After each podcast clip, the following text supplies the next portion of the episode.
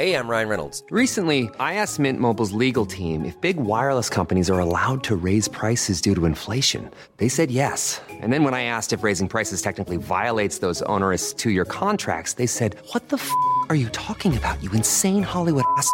So to recap, we're cutting the price of Mint Unlimited from $30 a month to just $15 a month. Give it a try at mintmobile.com slash switch. $45 upfront for three months plus taxes and fees. Promo rate for new customers for limited time. Unlimited more than 40 gigabytes per month. Slows. Full terms at mintmobile.com.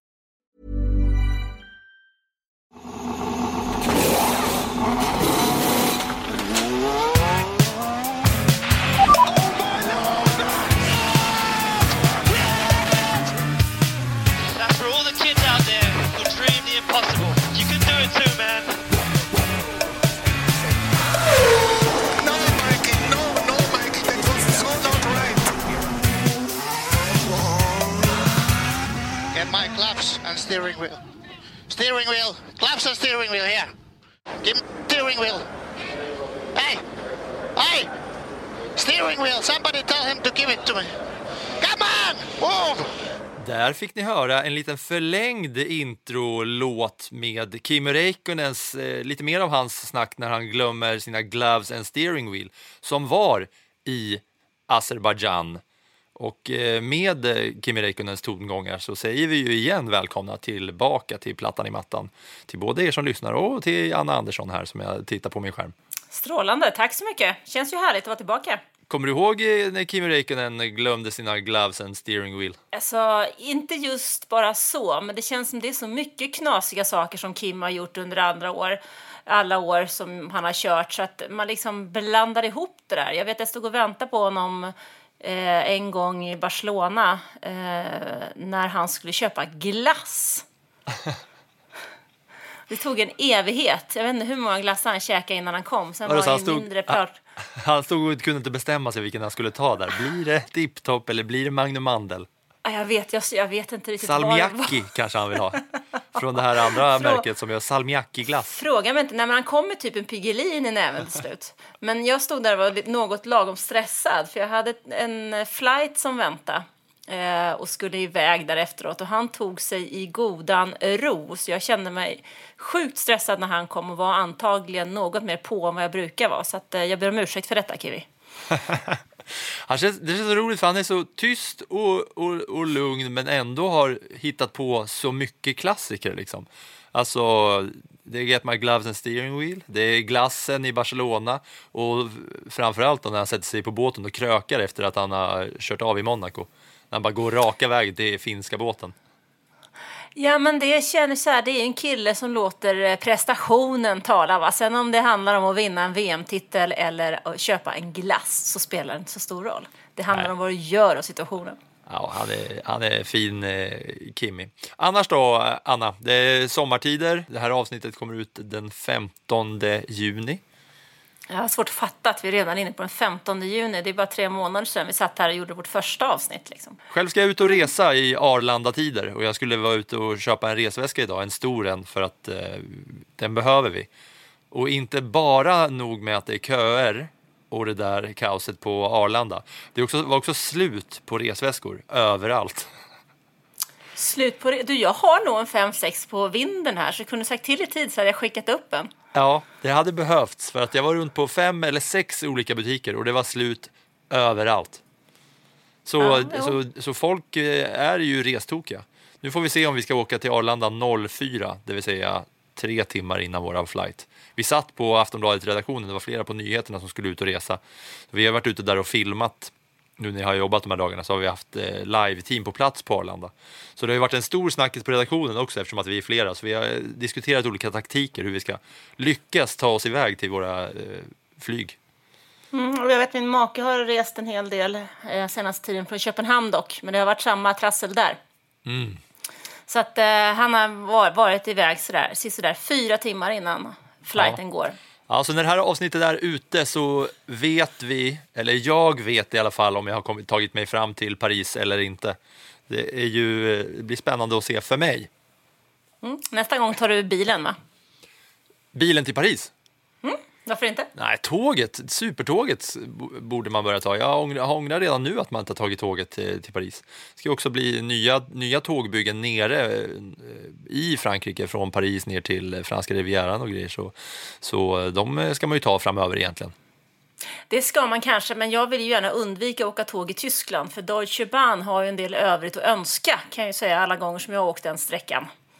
Dolce Bahn, Deutsche Bahn. Deutsche tyska- Bahn, Dolce and Gabbana. Ja, Nej, nej, nej, nej, nej. Den tyska, tyska motsvarigheten till eh, Statens järnvägar, eller vad heter det i Sverige. Den har lite övrigt att önska. Så att eh, därigenom hade jag icke velat åka, eller där vill jag inte åka tåg om jag vill komma fram när jag vill komma fram. Nog med tyska tåg, är det dags för F1-snack och eh, gå igenom det inte så händelserika Azerbajdzjan-racet. Ja, det var väl händelserikt fram till en viss punkt och sen hände det inte ett jota. Ja, då tar vi oss igenom och fram dit genom en uppspeedad sprintgenomgång. Som vanligt. Och som vanligt så orsakade ju en av pappas pojkar röd flagg i kvalet. Den här gången var det Lance Stroll som först var och nosade på en barriär innan han några minuter senare, helt ohotad, kraschade sönder bilen när han inte kunde bedöma farten. Nej, in med Rickard Rydell, Blixten McQueen, Pastor Maldonado, Tanuki Mario, Tina Turner, Carlos Sainz Senior, Prins Carl Philip eller Janne Flash Nilsson. Alla skulle fan i mig göra det bättre än Stroll. De andra då, som faktiskt kan köra Formel 1-bil? Jo, kvalet var en uppgörelse mellan stortjurarna och Ferrari, precis som vi vant oss den här säsongen. Och som de flesta gånger så var det Leclerc som var snabbast i kvalet. Pole nummer 6 av 8 för Monegasque-pojken. Men där tog lyckan slut för Ferrari. För efter nio varv så fick Carlos Sainz bryta på grund av ett hydraulikfel och 11 varv senare då var det dags för Leclerc att kasta in handen handduken när motorn havererade. Men det stannar inte där för Ferrari-fiaskot. Kevin Magnussen, som även han har en Ferrari-motor i sin hastbil, fick också bryta. Som grädde på moset, lök på regnbågslaxen, eld på oljan, så fick Janjo Joe, även han, med en Ferrari-motor bryta. Så med halva loppet gjort så var hälften av Ferrari-motorerna ute ur loppet. 80 procent av deras bilar alltså. Här välkomnar vi gärna ett citat av Anna Andersson som säger tillförlitlighet. Tillförlitlighet, hållbarhet, tillförlitlighet. Ja, det hela blev sen en ytterst bekväm resa för stortjurarna som kunde ta en superenkel 1-2 där det inte var något snack om fight mellan förarna. Där bakom var det dubbelt Mercedes med Lewis Hamilton på femte plats som knappt tog sig ur sin bil på grund av ryggsmärtor av allt skuttande. Och nu är frågan om man ens sätter sig i bilen nästa helg i Kanada. Racens komiska höjdpunkter, det får väl sägas vara gaffa-tapes-kalaset på Yuki Tsunodas bakvinge som gick sönder, då mekanikerna valde att tejpa ihop den bakvingen och förbjuda DRS-användning för japaner resten av loppet. Nu tejpar vi ihop den här sprintgenomgången med normaltempo och låter Anna snacka om tillförlitlighet en stund, va? Ja, Anna. Tillförlitlighet. Det är ju ett ord som du gillar. Ja, men har jag sagt det förut eller? Nej, men jag vet Nej, att du gillar ordet bara. inte. Det är aldrig någon som har hört dig säga tillförlitlighet. Ja, men grejen är, det är ju så otroligt viktigt att ta den där bilen i mål. Den som, det hjälper ju inte att vara snabbast på ett varv om ett race är 51. Det gäller ju att ta bilen i mål, annars blir det inga poäng. Och i det här fallet så det är ju nästan till oförlåtligt för Ferrari. Alltså. För Charles Leclerc har ju haft pole position fyra race i rad och han har inte vunnit ett enda av dem. Det är ju uruselt faktiskt. Och där måste man faktiskt kräva betydligt mycket mer. Och jag tittade tillbaks lite i statistiken här. Och det är faktiskt så att senast som Ferrari drabbades av en dubbel DNF på grund av tillförlitligheten på båda bilarna var varken Charles Leclerc eller Max Verstappen född än. Det var Oj. 1997 i Storbritanniens GP, alltså mer än 9000 dagar sedan. Och det här känns ju som att nu är man i ett läge där man har någonting, där man skulle kunna ha någonting och så händer de här grejerna. Ja, gång, alltså, det är ju inte första gången det händer en av Ferrari-bilarna heller. Nu har det ju båda. Och som du säger, Leclerc, eh, det spelar ingen roll. Han, han har, som han har kvalat, han har ju alltså kvalat etta, tvåa, etta, tvåa, etta, etta, etta. Ja, i åtta race. Men, mm, men han får ju inte ut någonting av det. Och det är det som är så bedrövligt. För det är ju kvalet. Det, hur många F1-förare har inte sagt det? Ja, det delas inte ut några poäng på lördagen. Nej, det gör det inte om det inte är en sprintlördag. Och det är ju så himla tydligt att han tappar så otroligt många poäng. Och här sa ju Mattia Binotto, han sa ju nu att äh, jag är oroad eh, och det är verkligen stor oro eftersom jag inte har de svar som jag gärna hade velat ha. Och det sa han alltså under sin mediaträff efter loppet igår. Och jag förstår ju att han är oroad. För även om han räknar med att få svar inom ett par dagar nu då. Så lär ju ett av de svaren vara att eh, Charles Leclerc behöver en ny motor. Och den vill man ju icke ha. För då är han inne på sin tredje motor. Vilket troligen kommer betyda att han behöver ha ytterligare minst två den här säsongen. Ja, och så här tidigt inne på säsongen också ju. Ja, och de, det betyder ju att det kommer bli motorbestraffningar för honom. Och då kommer han flyttas ner i startfältet, ner, ner, ner, Ja. ner, ner, ner, ner och då blir det en helt annan historia. Även om han då är snabbast i, i, i kvalet när de bara ska köra de där få varven så spelar det ingen roll. Nej, det gör en jädrans skillnad på att starta etta och tia. Så att eh, det här kan ju bli otroligt dyrt för Ferrari. Så att jag är faktiskt oroad och jag tycker nog att Mattia Benotto inte bara var, behöver vara djupt oroad utan ja, Mariana Gravs djupt oroad för det som eh, händer i hans team just nu. Klassiskt djup oro. Marianegrav-oro.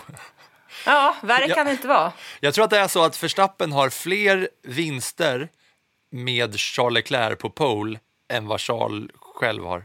Ja, det är inte omöjligt alltså med tanke på hur det har sett ut det här året. För att det är, nej, det är långt ifrån godkänd, jag förstår att han var väldigt, väldigt frustrerad, Charles Leclerc igår. Och eh, för Carlos Sainz ska vi inte, vet jag inte vad jag ska säga, för att den killen behöver ju köra. Han behöver ju tid i bilen på banan, inte tid med bilen i garaget. Nej, det var ju ännu en gång då som han tidigast fick bryta. Det var ju på varv 9 som det sket sig för Sainz med hydraulikproblem. Och sen så, ja, så var det 11 varv till innan det var dags för Leclerc att få bryta loppet. Och som nämnt här i sprintgenomgången, det var ju inte bara Ferrari-bilarna, det var ju även för de andra bilarna med Ferrari-motorer som det gick eh, åt helvete för. Mm, och det är 80 procent av bilarna fick bryta av Ferrari, med Ferrari-grejer. Ja, och de andra var ju inte direkt snabba de heller. Så att det Nej. är ju djupt oroande. Och så tänker jag på, du som pratade om Carlos Sainz här. Han har brutit tre lopp i år är det väl? Och varje gång han har brutit så saknar han ju då liksom 30, 40, 50 varv i bilen. Varv som man annars tar med sig, lär sig av och bygger vidare på. Han hamnar ju hela tiden längre och längre bak för att han missar de där varven. Det är inte att förakta alltså.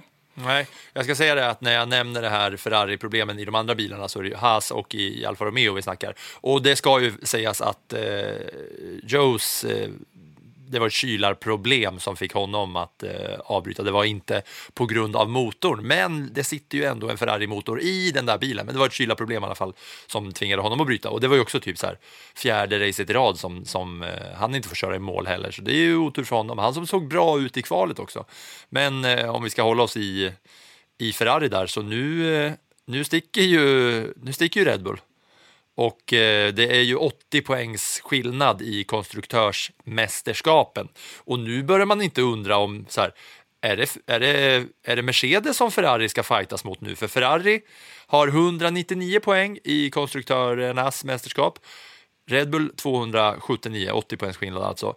Och bara, eh, 30, ja, bara 40 poäng bakom är Mercedes nu, som ändå, trots sitt skuttande och ryggsmärtor hit och dit, så tar sig ändå Mercedes i mål.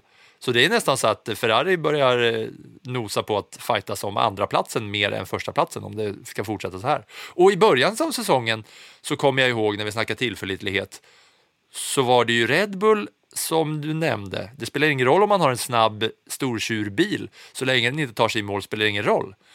Och det här narrativet har ju nu vänt och ligger helt och hållet, hållet på Ferrari-bilen med- medan Red Bull verkar ha fått ordning på det de hade som problem i början. Det ser vi både i Red Bull-bilen, och, alltså stortjurarna och småtjurarna i Alfa Tauri också. Mm. Sen så ska vi veta att det kan ju svänga flera gånger till, men ju längre Liksom, ju större problem man har och ju längre tid det tar innan man löser dem, ju tuffare blir det. Och Red Bull har ju liksom klivit över den här eh, tröskeln och hittat någonting som gör att de känner sig trygga i det. Och nu var vi då i Baku. Nu åker vi till, eller Bakau som man säger i Sverige. Jag är för tysk där helt enkelt. Eh, men nu var Säger man inte Baku i Sverige? Bakau? kanske man- Macau, Bakau, det är ju... Macau, ja, just det. Macau, det är ju eh, Kinas Las Vegas ju. Baku. Macau som har typ så här 40 gånger mer omsättning i hela stället än vad eh, Vegas har. på, i spel och dobbel trots att det är så extremt mycket mindre. Men det finns ett stadslopp i Macau också, det var, väl- eller Macau också, det Ja, var väl där ja. jag var och, och, och letade. Men, Jag tror inte vi är allt för långt borta ett race i Macau ska sägas. En po- en, ett podium på eh, kinesen så, så är det race där året efter. Nej, det, det ska vi ska faktiskt köra i Shanghai nästa år, så att eh, vi tar det. Men i alla fall, eh, tittar man på den banan som vi var på i helgen då i Azerbajdzjan och den som vi kommer till i Kanada till den kommande helgen så är de banorna förhållandevis lika. Och Red Bull sa redan inför de här två racen att det är två banor som passar dem väl. Så att eh, jag tror nästan att vi kan förvänta oss en, lite liknande tendens under nästa helg. Då ska vi då inte räkna med att Ferraris båda bi- bilar bryter. Men det är banor som passar Red Bull. Så att vi kommer ju sen att komma till andra typer av banor så det här kan ju naturligtvis svänga. Det är väldigt, väldigt lätt att sitta och säga att ja, nu är det så här, så här blir det och sen händer någonting annat. Så det Men är om en lång mormor säsong. hade jul hade hon kanske varit en buss. Precis. Förlåt att jag avbröt dig där, skulle du fortsätta? Nej, men nu lägger vi ner. Ja, okej. Eh, ja, Ferrari, de har ju djupa Marianergraver, djupa veck i sina pannor att eh, reda ut va, inför nästa vecka. Tror du att det eh, gynnar dem eller att det skadar dem att racet är så här pass tätt? Jag tror alltid att när det är så täta race så gynnar det alltid den som är, har ett flow. Och det gynnar aldrig den som har en betydligt eh, mer eh, hoppig väg framåt. Eh, och framförallt när det nu inte bara är täta race utan det är också långa sträckor som vi måste, måste förflytta oss. Från Azerbajdzjan till Kanada, det är ju inte direkt nästgårds. Och Ferrari måste mellanlanda där hemma på eh, fabrik... Eh, mellanlanda ordentligt där med fabriksdelar och få ordning på saker och ting innan de åker eh, vidare. Fram och tillbaka är- kanske det blir några gånger till och med. Frågan är hur mycket tid man har att mellanlanda, för det är ju faktiskt så att eh, allting ska vara på plats på torsdag. Ja, det är ju alltså då när ni hör, hör det här avsnittet så är det ju bara två dagar kvar tills eh, träning, första träningen startar igång där i Montreal är vi va? Det, eh, vi ska inte prata så mycket om Kanada just nu för att vi vill ju snacka mer eh, om Azerbajdzjan-racet först för att vi ska ju ha en genomgång och uppsnack inför Kanada. Men det kommer ju som vanligt när vi närmar oss slutet av det här avsnittet. Ferrari, eh, är du redo att lämna dem eller?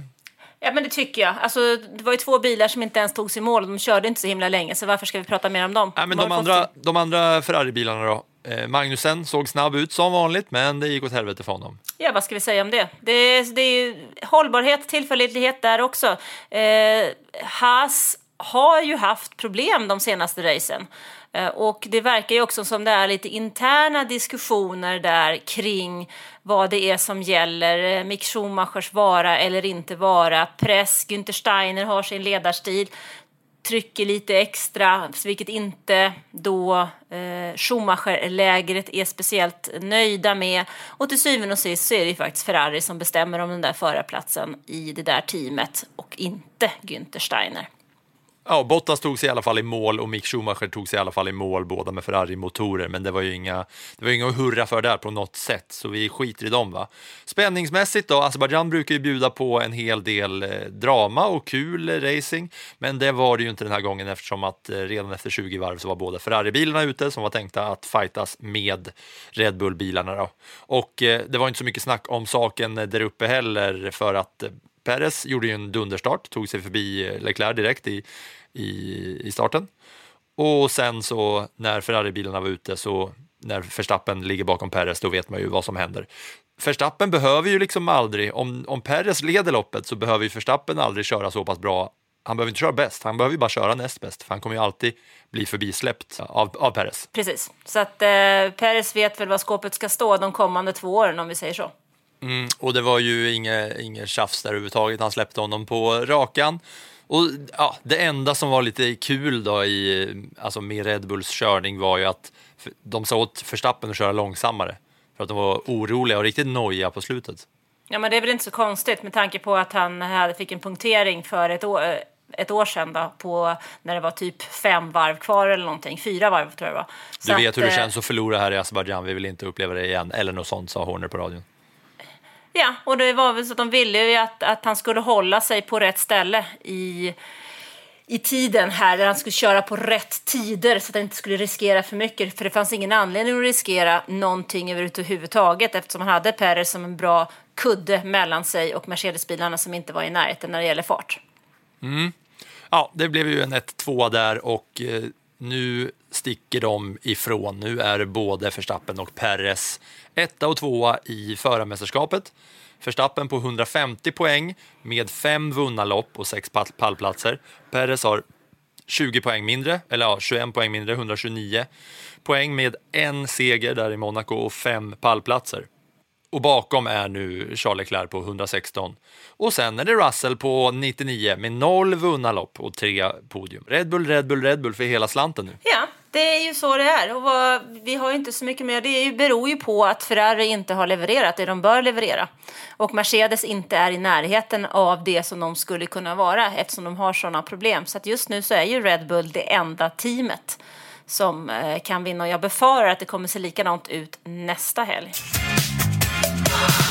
Ja, vi, vi har varit ganska dåliga på att gå igenom ställningen i förarmästerskapet, så jag tänker jag, jag kan bjuda på den nu här bara. Vi har Verstappen etta, Perez tvåa, Leclerc trea, Russell fyra framför eh, Carlos Sainz och sen är det Hamilton och Lando Norris, Valtteri Bottas, Esteban Ocon som eh, bästa fransman av de två som ligger nia och tia. Men lite intressant ändå är det ju att eh, Hamilton och eh, Russell ändå ligger så pass bra till inom eh, sådana här eh, citationstecken då, trots att eh, den där bilen hoppar och far så mycket.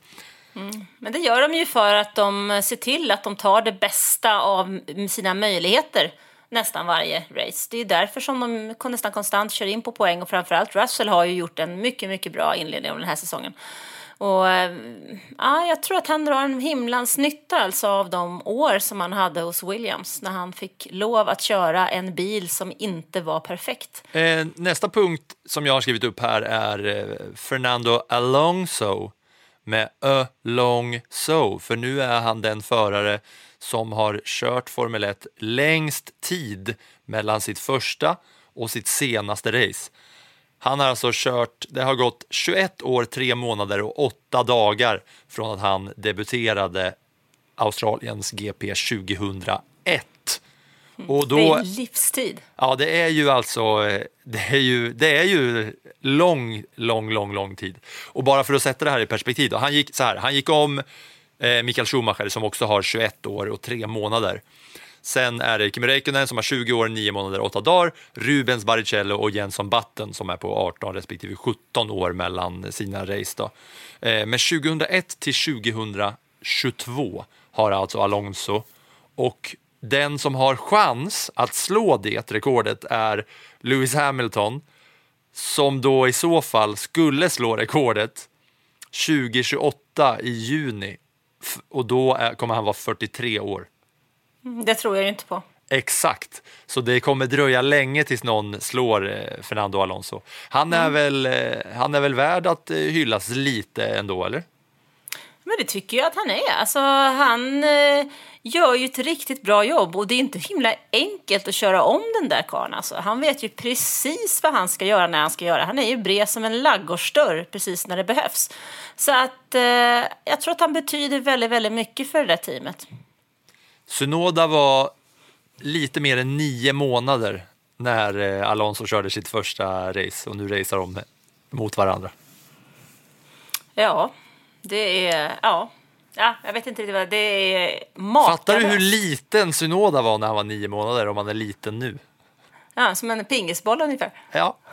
Eh, Fernando Alonso, alltså den förare som har kört längst tid mellan sitt första och senaste race. Eh, men om vi... det är värt en applåd, tycker Ja. jag definitivt. Här kommer applåden. Och eh, Alfa Tauri då, när vi ändå nämner eh, lille Tsunoda, de eh, känns nästan som eh, back in business, eh, tycker jag. Men då är det kanske lite tidigt på att säga back in business. Med tanke på att deras moderteam dominerar just nu så kan man väl kanske inte ge säga back in business efter ett race, va? Jo, jag gör det ju. Jag tror att de är back in business, men du tror alltså inte på att eh, det kommer fortsätta tror- så här bra, för det, det slutade ju bra för dem. Jag tror inte att silvertejpen håller fler race. Ja, den där silvertejpen alltså, fy fasen vad roligt det var. Eh, alltså de kommer ju, vi ska säga bara, Azerbajdzjan, det var ju dubbel Red Bull, dubbel Mercedes, sen var det Gasly, Vettel, Alonso, Ricardo. Ja, och Sunoda tvingades ner till 13 där. Han hade ju kommit mycket bättre om inte hans bakvinge hade havererat där på slutet. Vilket var extremt kul. Om ni inte har sett det så finns det ju möjlighet att kika upp det. Eh, bakvingen går av till hälften. Halva pajar. Så då när han kör in i, måste han köra in i depån där, för det är farligt med lösa delar och DRS när den ska öppna och stänga. Sådär.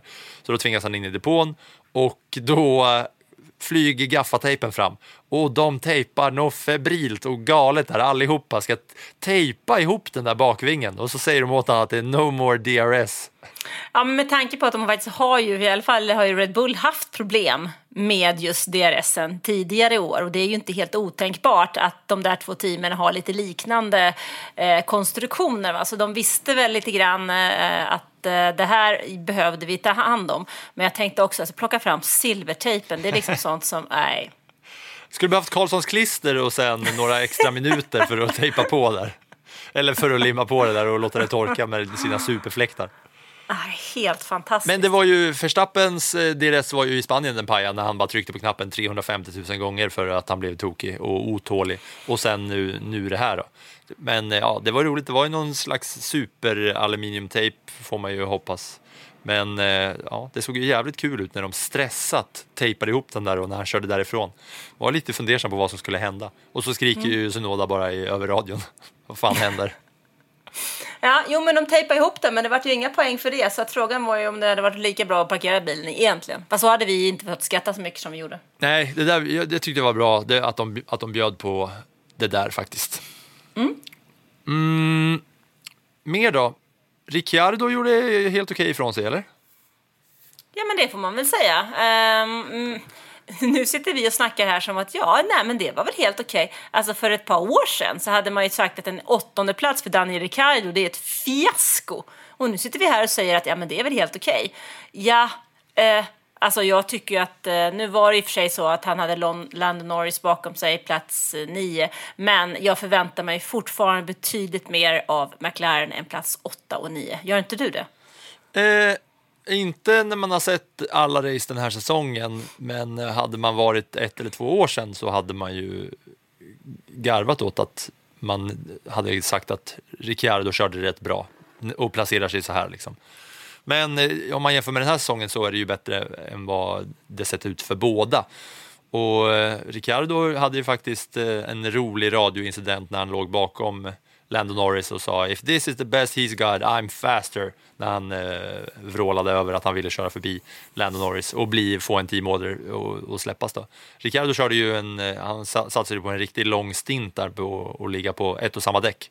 Men sen när blev det ju säkerhetsbil, när Magnusens bil pajade, så då fick ju alla, alla kuta in och ta ett gratisstopp, så då sket det sig för honom. Annars hade det kanske gått lite bättre, men då är Anna där med pekfingret och säger mormor har långa, bil, långa däck på sin bussbil och allt sånt där.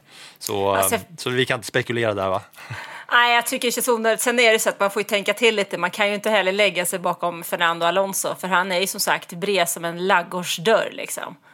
Det... Ja, det var ju där som var deras problem sen. Eh, då var ju alltså Ricardo före Norris och Norris var sugen på att köra förbi Ricardo och då sa de att vi ger Ricardo chansen att köra om Alonso. Om han inte lyckas med det får du chansen att göra det. Om inte du lyckas med det då ska du ge tillbaks platsen till Ricardo. Det var ju diplomati av alla liksom, på högsta nivå. Mm, jag tror eh, Fernando Alonso satt och skrattade liksom, i, i sin bil där framför. Ja, och annars då, en stor, stor snackis från Azerbajdzjan, det var ju Hamiltons rygg och hur han kravlade sig upp ur bilen långsamt, långsamt i slow motion, tog sig för ryggen och visade hela världen att aj, aj, aj, min rygg gör ont. Den gjorde säkert himlans ont också, men det är klart att han måste ju visa det. Han är ju inte dummare än så. Och eh, Toto Wolff sa ju också efter att han inte var inte säker på om Hamilton skulle köra i Kanada. Men nu har han ju faktiskt eh, lagt upp här på eh, Insta-stories och sagt att det är ju ett, ett race som han inte för någonting i världen skulle missa. Så vi kommer ju få se Hamilton i hans eh, favoritrace. Men sen är det ju klart att han har problem. Han eh, gav också en förklaring efter racet igår att han och eh, Russell hade lite olika delar på bilen där man hade testat vissa grejer på Hamiltons bil vilket gjorde att han eh, skuttade ännu mer. Och han, eh, han har ju problem, det är ju tydligt. Alltså jag tycker bara man ser på tv-bilderna hur han hoppar framåt så förstår man att det är jobbigt och man förstår ju att det är jobbigt att hålla den där bilen på banan. Ja, man hör, inte bara ser, man hör det ju också. Alltså man hör ju när man åker med i Hamiltons bil hur huvudet slår och hur bilen också studsar eh, på ett sånt sätt. Man hör ju motorn studsa och man hör hjälmen slå mot i, bak i nacken på honom där. Så ja, kanske var jag lite raljerande när jag sa att han gick upp långsamt ur bilen. Men det är ju på grund av att eh, de här utspelen som kommer efteråt att nu ska Mercedes, eh, de har lämnat in en protest eller varning eller vad det är nu mot eh, FIA om att eh, någonting måste göras åt det här purposing-problemet för att det riskerar förarnas hälsa och, och så vidare. Vad tror du Arbetsmiljöverket skulle säga om den här arbetsplatsen? Eh, det hade faktiskt varit kul att höra vad de hade och skulle ha att säga. Att man faktiskt får höra hur det är med, med eh, arbetsmiljön där, sittandes i en bil och riskera livet sådär. Det hade ju varit kul att höra faktiskt på riktigt. Nej men eh, ja, det är väl inte superkanon kanske.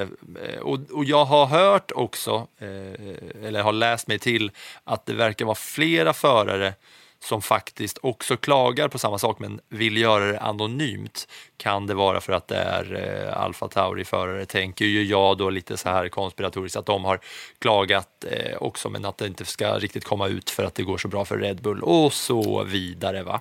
Fast eh, Pierre Gasly sa ju det att han eh, var faktiskt oroad för sin egen hälsa med det där skakeriet. Dels för att ratten liksom drar på bilen och dels för att han känner att han får ont i kroppen och menade på att just nu funkar det. Jag är racerförare, det är klart att jag kör, men hur, hur kommer mitt liv se ut när jag är 40 eller 50 år om jag ska sitta och skaka så här i flera år? Eh, jag har ingen lust att gå med käpp när jag är 30. Så att eh, Sebastian Vettel var också tydlig med att det här är någonting som vi faktiskt måste göra någonting åt, för vi kan inte skaka på det här sättet i fyra år till. Så det är ju inte bara Mercedes det drabbar. Nej, det är ju allihopa va, men eh, Lewis Hamilton pratar ju, eller det, strålkastarljuset faller ju där för att det är som tydligast och han har det fokuset på sig som han har. Eh, Ja, plus att eh, det, de har ju naturligtvis en politisk agenda. Det är ju samma sak som alltid. Eh, Toto Wolf gör ju ingenting utan sin politiska agenda. Jag tror att han har den i bakfickan 24-7. Ja. Eh, Russell då? Återigen, podie. Smyger med. Ja, han eh, gör det ju inte bara bra, han gör det ju fantastiskt bra. Klagar inte lika mycket heller. Nej, men det vet vi inte heller här. Enligt Hamilton så hade de olika delar på bilen. Sen kan det ju också vara en sån sak, liksom, som jag nämnde tidigare, att Russell har ju kört för Williams i flera år där han har fått kämpa med en bil som är betydligt sämre, medan Hamilton har ju kört en bil som har varit överlägsen. Och då kör man ju naturligtvis de bilarna på olika sätt. Och det är ju också så att ju äldre man blir, ju svårare har man att adoptera till eh, nya saker. Så att eh, det kan väl vara så att Russell har en viss fördel där. Dessutom så gör han det ju riktigt bra. Han gör ju sitt jobb och stänger igen mun och kör. Jag vill dra några snabba notiser från Azerbajdzjan innan vi ska ta dina plus. Vill du hänga med? Jag hänger med.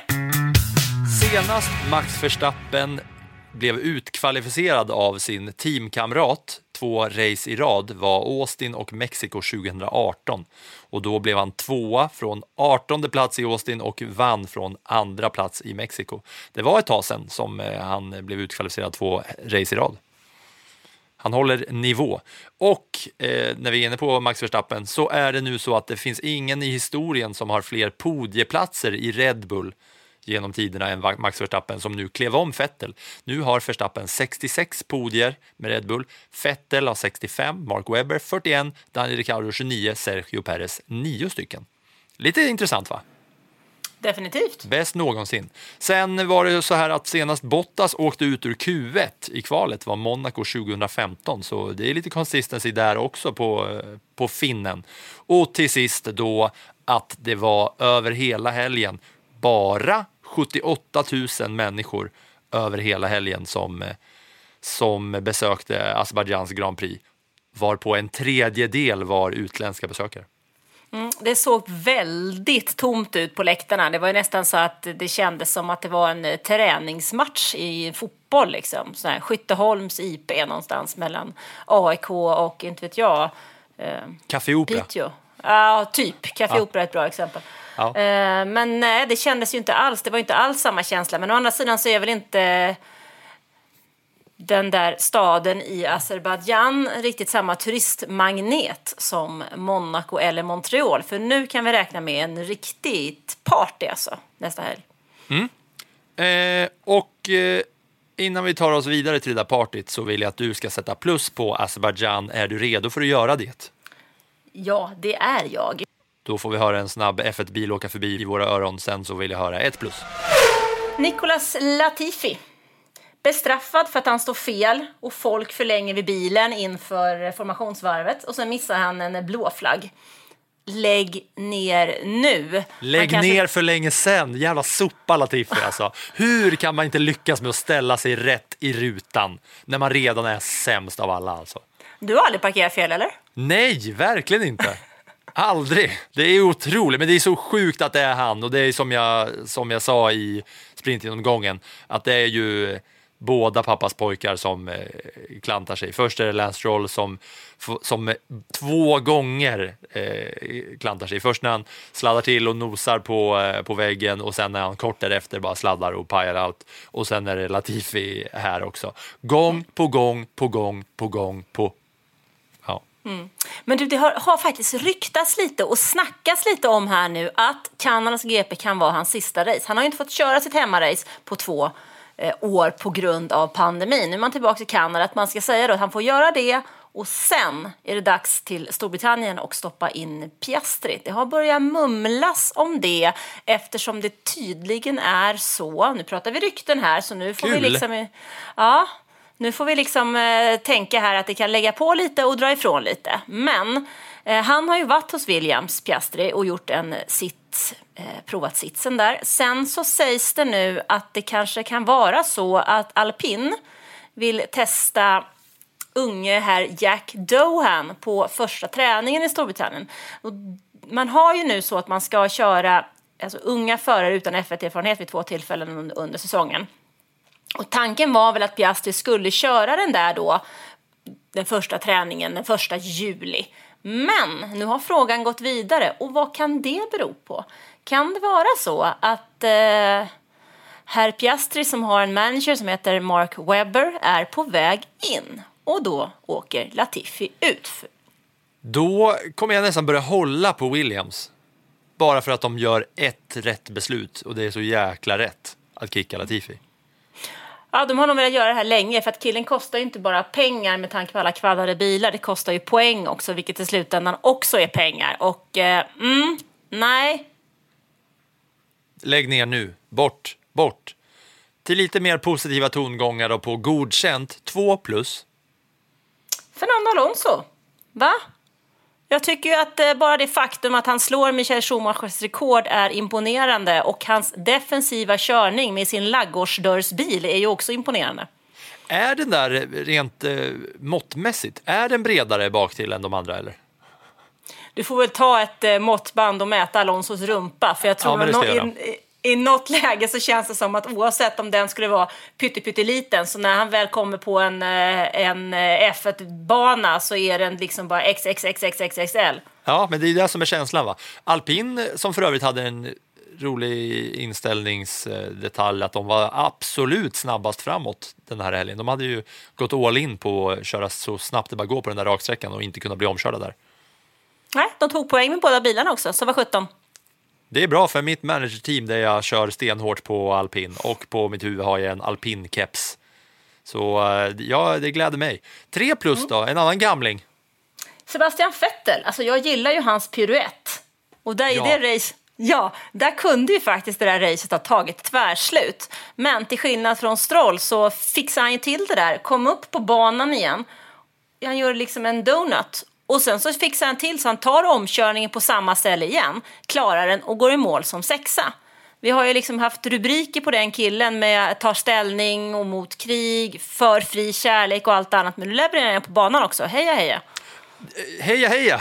Ja, jag håller med. Det var kul. Det är, det är när han kör om Ocon, han försöker köra om Ocon och han har liksom fullföljt omkörningen och man ser att det är klart att han har honom inför den där kurvan där det är en avåkningszon längst fram. Är det samma där eh, Hamilton körde ut förra året va? Om jag inte har helt fel, jag tror det.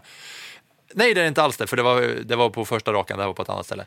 Eh, men eh, då kör han ut i den eh, avåkningszonen eh, för att eh, han har för hög fart där, så Ocon får slänga iväg. Och så, blixtsnappar. Zzz! Så har han snurrat runt och så är han eh, ute där igen. Kunde nästan gått illa när han kör, var på väg att köra tillbaka, men där såg man ju skicklighet och snabbtänkthet trots eh, Fettels ålder. Det gjorde han ju bra. Man gläds ju extra mycket när Fettel får en bra placering. Ja, tyckte jag var lite kul. Alltså jag gillar, eh, jag gillar framförallt hans sätt att numera våga vara den han är. Och våga ta ställning. Eh, både i det faktum att han faktiskt inte har några sociala medier och att han då ser till att på andra sätt ge uppmärksamhet till frågor som faktiskt vi alla borde engagera oss betydligt mer i. Heja heja Fettel! Fyra plus. George Russell, snacka om att vara på rätt plats vid rätt tidpunkt. Varenda race. Eh, han eh, brukar finnas med på dina pluslistor. Ja, men alltså... Ja, jag är faktiskt imponerad över hans sätt att köra och hans sätt att vara, som jag sa, på rätt ställe vid rätt tidpunkt och hantera det utan att göra några onödiga misstag. Ja, och eh, som sagt, 99 poäng i eh, totala mästerskapet. Han är liksom inte, han är ju 17 poäng bakom eh, Charles Leclerc nu i, eh, i totalen och för att ta sig upp på så att säga förarpodium i totala mästerskapet. Och eh, ja, det är ju kul att se där att han eh, fortsätter Han är, före, han är ju före Carlos Sainz och han är före Lewis Hamilton. med råge också. Ja, så att, nej, jag tycker, jag tycker att han har rätt till att få fyra stycken plustecken den här helgen. Och då vill vi ju till sist höra vem som får fem plustecken. Max Verstappen. Va? Perfekt race. Seger. Perez tvåa. Leclerc nollar. Han leder VM före sin, sin eh, teamkollega och är 34 poäng före Leclerc. Det kan knappast bli bättre. Dessutom så tog han sin 25 seger, vilket gör att han har lika många vinster som Niki Lauda. Ja, Verstappen, det är inte så mycket att, det är inte så mycket att snacka om, trots att han vann utan att liksom, eller fasen, han var ju snabb den här. Jag var på väg att säga att han, eh, att han inte behövde vara bäst och att det inte spelar någon roll, men det känns som att ändå det här racet så, så körde han ändå bättre än Perez. Han hade mer fart genom hela Ja. racet. Ja, och allt föll på hans plats. Alltså det är också intressant kan jag tycka hur Red Bull hade stora problem med tillförlitligheten under inledningen av säsongen. Har jobbat sig fram det och förbi den biten och nu har tagit över kommandot i VM. Det är ett väldigt, väldigt bra jobb, inte bara av Verstappen utan även av Perez av hela, hela tjurhagen. Hela tjurhagen, nej det är bra. Motorstopp då, Anna? Ferrari. Ni har redan hört min åsikt. Tillförlitlighet är ett väldigt tråkigt ord. Men en bil måste ju hålla hela racet från start till mål för att ta poäng. Det hjälper ju inte att vara bäst i kvalet om du inte får bilen i mål på söndagen. Jag tycker inte tillförlitlighet är så tråkigt ord längre, för ju mer du nämner det, desto roligare blir det. Det blir ju en kul följetong att eh, tillförlitlighet är ett av våra mest eh, sagda ord i den här podden snart. Så, eh, så m- må det bli roligare. Det blir jätteskoj när vi har poddat här i fem år och fått höra det i varenda avsnitt. Då det, hoppas jag att det är någon som kan klippa ihop ett best of tillförlitlighet-uttal så man bara har tio timmar Anna Andersson säger tillförlitlighet. Det kommer bli kul. Nu tar vi oss vidare till Kanada.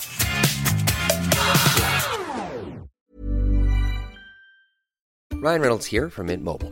With the price of just about everything going up during inflation, we thought we'd bring our prices down. So to help us, we brought in a reverse auctioneer, which is apparently a thing. Mint Mobile unlimited premium wireless. Ready to get 30, 30, bit to get 30, bit to get 20, 20, 20, bit to get 20, 20, bit to get 15, 15, 15, 15 just 15 bucks a month. So, Give it a try at mintmobile.com slash switch. $45 upfront for three months plus taxes and fees. Promo rate for new customers for limited time. Unlimited more than 40 gigabytes per month. Slows. Full terms at mintmobile.com.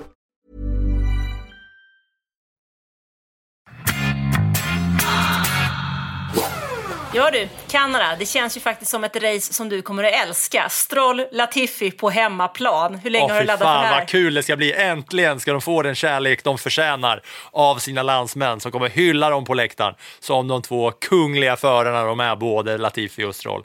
Oj, oj, oj, vad kul det ska bli.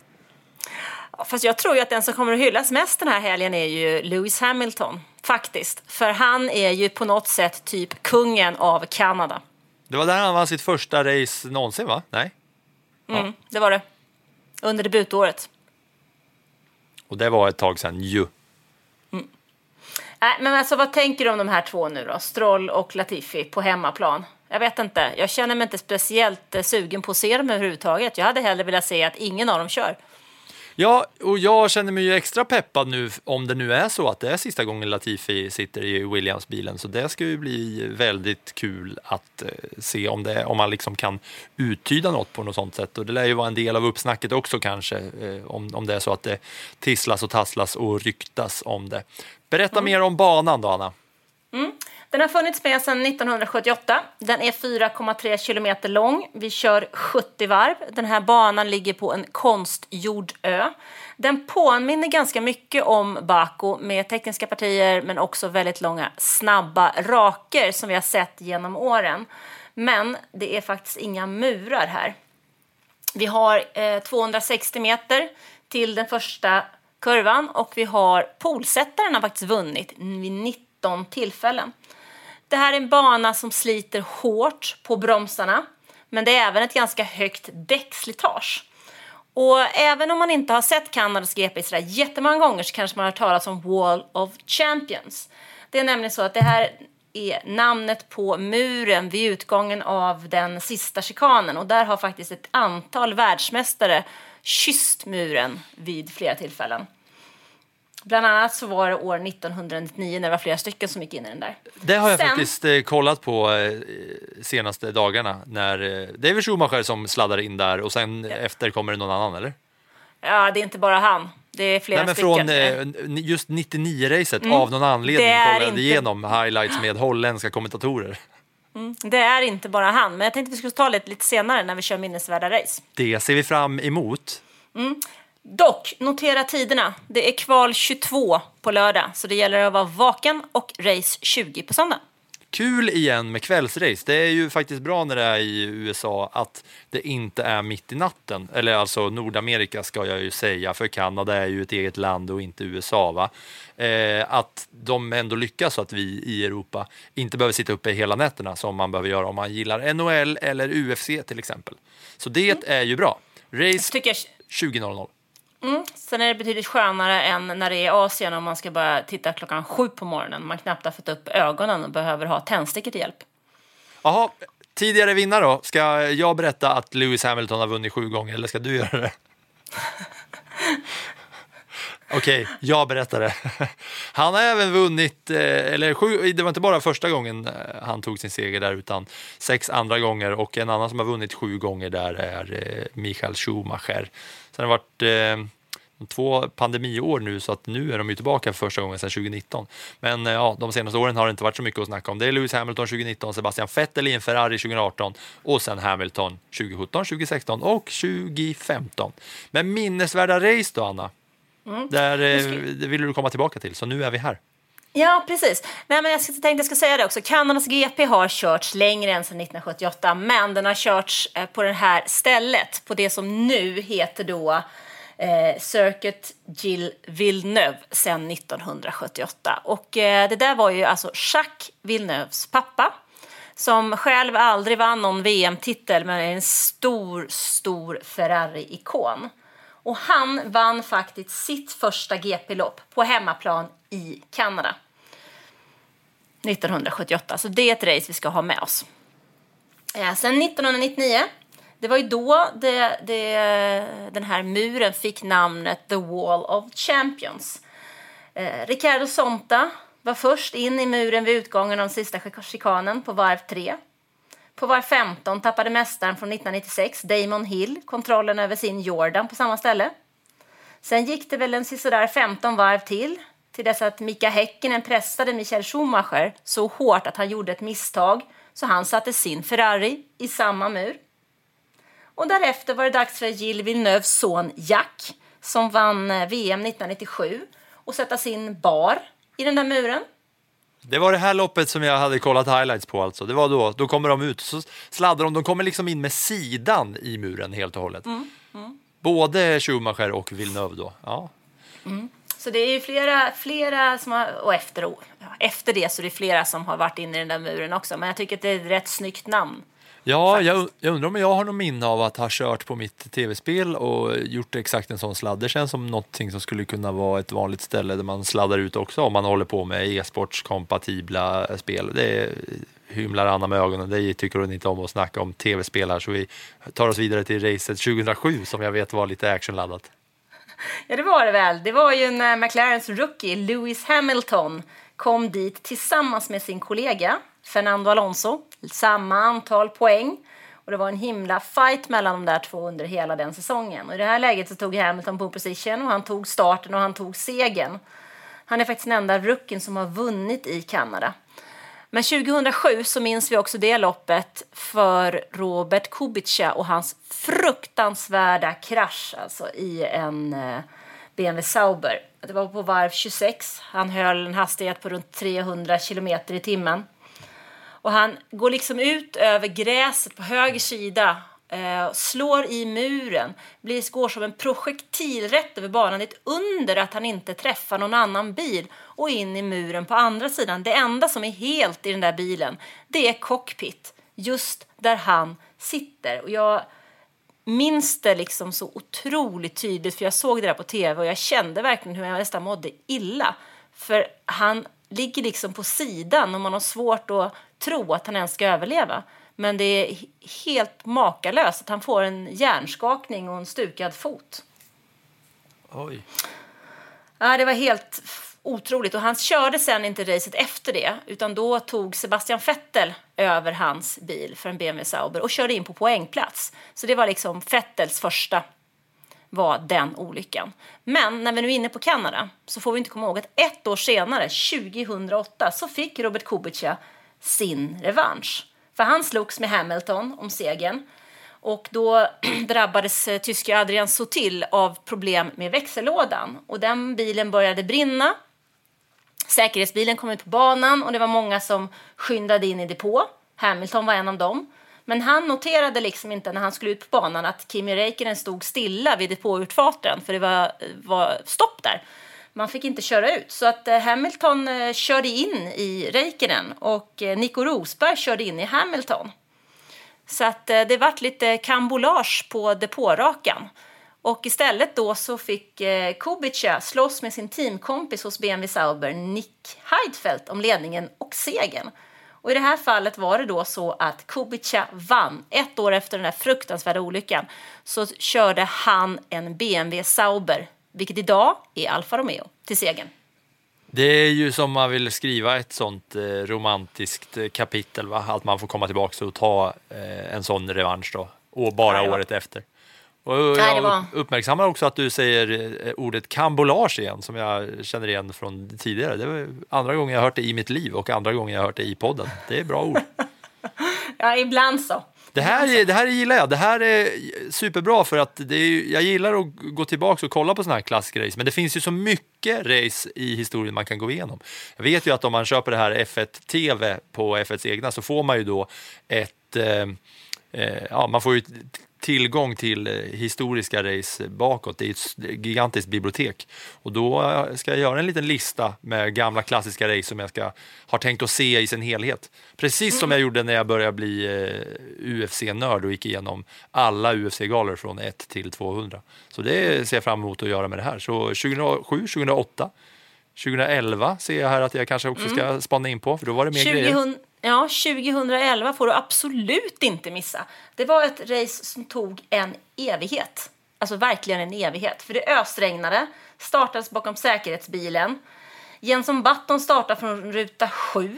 Men det är inte därför vi minns det där. Utan det där är för att vi minns det där racet för att det hände hur mycket som helst. Jag hade en tvååring hemma som absolut inte ville sitta still och titta på Formel 1 en hel förmiddag. Och hennes storebror som var fem tyckte inte heller att det var någon så här jättebra idé.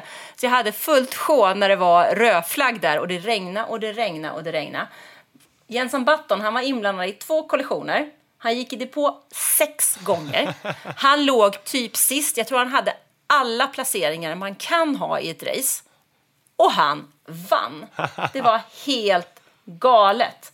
Och den där förbannade rödflaggan alltså, som aldrig tog slut. Det var typ två timmar och hon skulle så... Nej, kaos. Då kan jag säga att jag kommer ju vara glad för att jag kommer kunna spola i det där racet då. Så att jag behöver Det kan se alltihopa. Men missa inte Jenson Button för det är ett helt makalöst race. Ja, så mycket jobb har nog mekaniker aldrig fått göra ute på i, i depån med, med bytande och grejer. Nej du.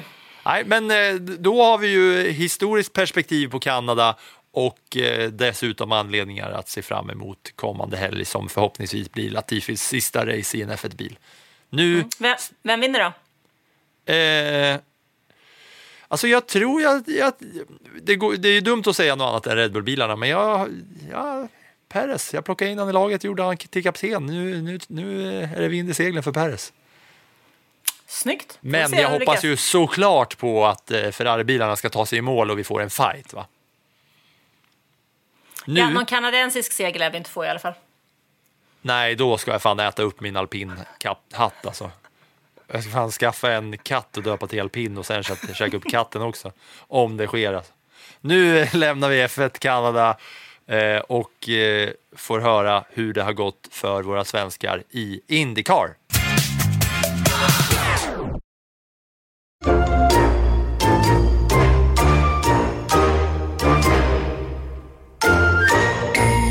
Det gick ju alldeles lysande för Marcus Eriksson tog en andra plats på Road America i Wisconsin.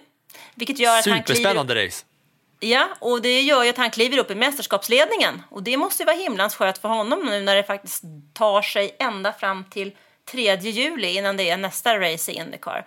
Men även Felix Rosenqvist gjorde faktiskt ett riktigt bra race och gick i mål som sexa med en liten annorlunda strategi där han sparar lite bränsle och sånt. Han hade nog en himla nytta där faktiskt av att han har kört Formel E i så många år.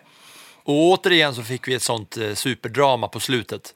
Det känns som att det alltid är upplagt för att det ska vara eh, säker, säkerhetsflagg, eller röd flagg mot eh, slutet av de sista så här, 6, 7, 8 varven eller sånt. För det blev ju dunderdrama igen. Det är väl det, det, är det som eh, producenterna vill ha, ser. Så då blir det ju så. Och även eh, drama med eh, Marcus Erikssons sista depåstopp när det höll på att trassla till sig rejält när en av mekanikerna trasslade in sig i den här mutterdragaren eller mutterpistolen. Alltså, det är svårt att sätta namnet på vad, vad de där heter. Zzz, zzz, de där alltså. Ja, och den, eh, så var det slangen som går dit som han inte alls hade koll på. Han skulle kasta undan den där och det gick ju inte. Säg så här, han var ju ingen riktigt bra eh, vad heter det, baseballspelare. För en bättre passning behöver man ju slå, eller bättre kast behöver man Han var långt göra. ifrån lika bra som Guido är i, i Cars när han byter däck.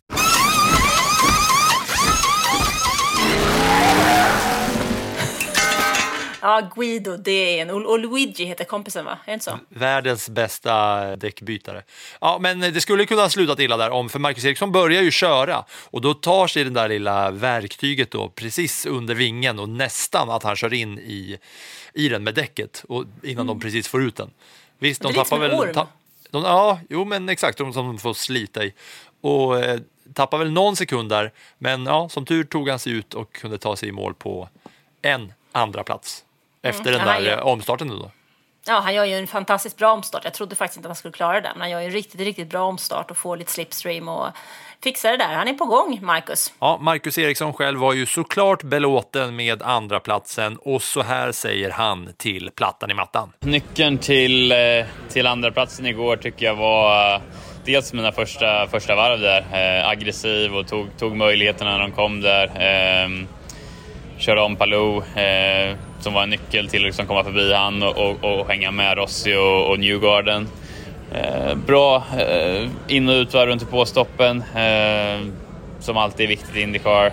Och eh, sen på slutet att jag var, eh, fick ju chansen där, hade väldigt lite push to pass kvar på grund av att jag var, fick använda mycket för att försvara mig mot Hurta. Men var ändå smart och tog min chans där när, när Rossi gjorde en liten miss eh, på sista omstarten och högg på han in i kurva 1 och tryckte ut han lite extra så han skulle bli attackerad bakifrån istället eh, för att han skulle kunna attackera tillbaks på mig. Då. Så det var några viktiga moment där som gjorde att det var möjligt att ta en andra plats, vilket var ett väldigt, väldigt bra resultat som jag är mycket, mycket nöjd med. Eh, tillbaka till ledning i mästerskapet eh, känns såklart superbra. Eh, dessutom 27 poäng, vilket är den största ledningen någon har haft i år i mästerskapet faktiskt. Så det, det är en okej okay, stor ledning, men det kan ju svänga väldigt, väldigt snabbt i den här serien. Man får ju 50 poäng för en seger, så det, det gäller verkligen att vara, vara, på tårna här framöver och vara jämn och, och liksom hela tiden vara med i toppen. För att det, det, är väldigt många som är otroligt snabba i det här mästerskapet, så det gäller att ha en hög lägstanivå ifall man ska kunna vinna mästerskapet. Så, eh, nu har jag tagit mest poäng av alla i mästerskapet om man kollar de sista 12 månaderna. Från eh, Detroit förra året tills idag så har jag mest poäng utav, utav alla. Så det gäller ju bara att fortsätta på den inslagna vägen, fortsätta göra vad vi gör. Så, så har vi en god chans till det, även om det kommer bli som sagt väldigt tufft hela vägen in i mål tror jag.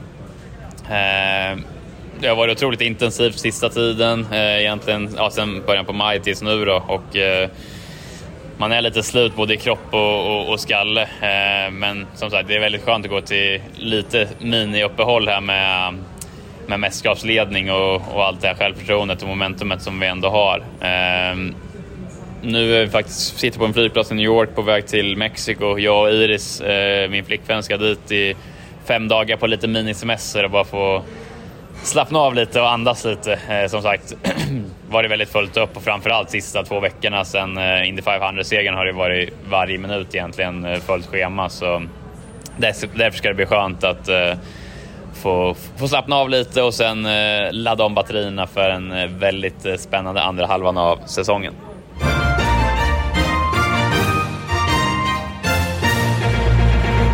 Ja, så får vi inte glömma Linus. Han gjorde ju återigen en riktigt, riktigt bra helg, vår eh, svensk i Indy Lights. Indy Lights, Linus. Mm, Indy Lights Linus, han leder ju faktiskt det mästerskapet så vi får inte glömma bort honom här. Det är så lätt att göra det, att man bara tittar på de där stora grabbarna. Vi har, Men, alltså, vi har alltså Marcus Eriksson som leder Indycar. Vi har Indy Lights Linus som leder Indy Lights. Och vi har Dino Beganovic som leder ja, vad den där serien nu heter. Som jag den regionala, for, regionala Europaserien för Formel 3. Ja, exakt så. Ja. Det eh, fortsätter båda gott för våra svenskar. Ska vi eh, säga så här att eh, tack för att ni har lyssnat. Nu är det snart eh, dags för Kanadas Grand Prix och det kommer vi snacka ner nästa vecka. Och sen är det sommar och midsommar och hela faderullan. Ja, det blir väl det va? Det är ändå ganska skönt att det inte är F1 på midsommar det här året. Det brukar vara det. Ja, det blir eh, F1-fritt på midsommar för den som firar sånt. Gör du sånt eller? Dansar har, och kastar och... Eh, jag har bott lite för länge eh, utomlands eh, för att fira midsommar. För det var ju nästan alltid så att det var den enda tiden på året som min man var ledig efter landslagsveckorna i början av juni, efter säsongen, efter Champions League så var det liksom där två veckor som man hade innan försäsongen drog igång igen. Så att då var vi ju sällan i Sverige. Då var man inte sugen på att börja klä en midsommarstång och upp på morgnarna och gå ut och plocka blommor mitt i natten och göra kransar och sula under kudden och dammsuga i sängen och sådana grejer efter alla blad och blommor och bär och sånt som man har, ska ha i kransen för att Nej, då, då var det så här eh, familjetid, två veckor. Inte ens eh, sill och nubbe och sånt där för eh, Andersson-familjen? Eh, Nej, alltså Mattias är ju skåning. Mm. De gillar ju nubbar, men de är inte speciellt förtjusta i sill. Strömming gillar de. ja, det kommer alltså vara så att midsommar är, eh, kommer två dagar efter våra eh, nästa avsnitt som kommer ut 22 nästa vecka när vi snackar ner Kanada. Tack för nu då. Vad kul det var att prata om Azerbajdzjan trots att det inte hände så mycket där. Hoppas på att det händer mer i Kanada va? Ja, skriver under på den du. Eh, då säger vi så. Tack och hej då allihopa. Hej då! Hej då.